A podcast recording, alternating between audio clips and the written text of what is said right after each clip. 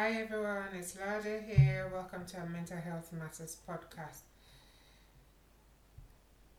So this is a very short one, um, just targeted at professionals who are working on the front line, and this is uh, just to state a few top tips that can help. it, is a very very difficult time and period for professionals working on the front line because they're having so much to deal with. They're having to deal with um, very huge uh, in, increase in workload and also having uh, to deal with you know the fears of becoming unwell themselves and the, the, the thoughts of other colleagues as well becoming unwell. And um, also dealing with colleagues that have becoming that have become unwell. So the first thing really is to note that um, the fear of becoming unwell is normal uh, the fear of colleague colleagues becoming unwell also is, is, is normal. And um, is, is the degree to which we let it affect us or that it impacts rather that the, the degree to which it impacts on us um, that is the key.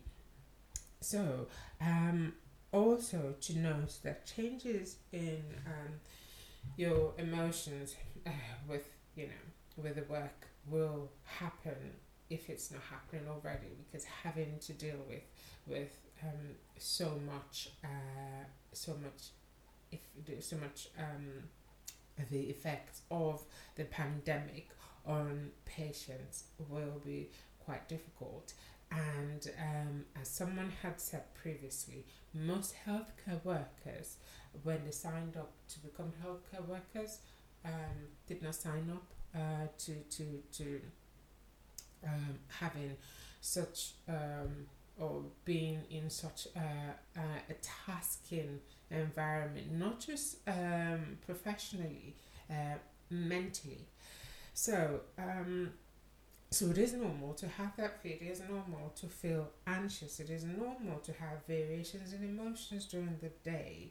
Aside being professionals, a lot of us chose to um, chose this profession or chose the healthcare profession because we are em- empathic people, uh, uh, empathic and compassionate people naturally. So, uh, putting this into account would also help you acknowledge that you would have those feelings um, when you see patients going through difficulties or when you see colleagues becoming unwell.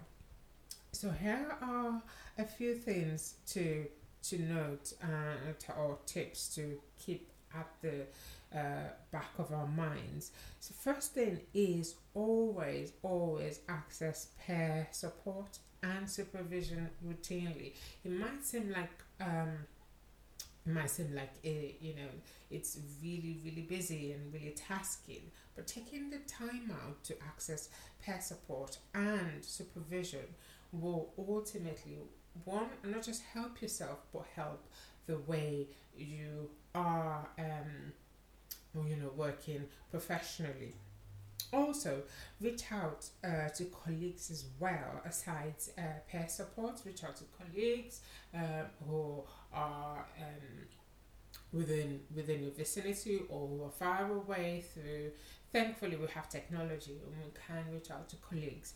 And talking about what's going on about the pandemic with uh, colleagues uh, would also help with support and um, bearing in mind that they are also having similar experiences as you. Then going on again to taking regular breaks.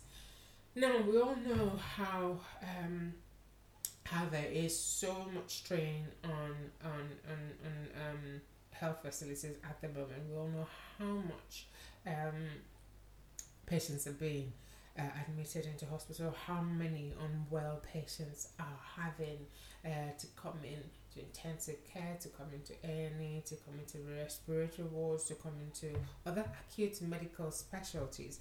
And it, it is um, it is such that you can't go through a full shift or a full day without um, having breaks. But if you think about it, taking regular breaks where possible would help you to switch off, not just switch off, but also rejuvenate yourself. No matter how how much uh, of of of um, time, uh, how small the time you can spare really is. Even a five five to ten minute break would help you switch off and help you rejuvenate yourself.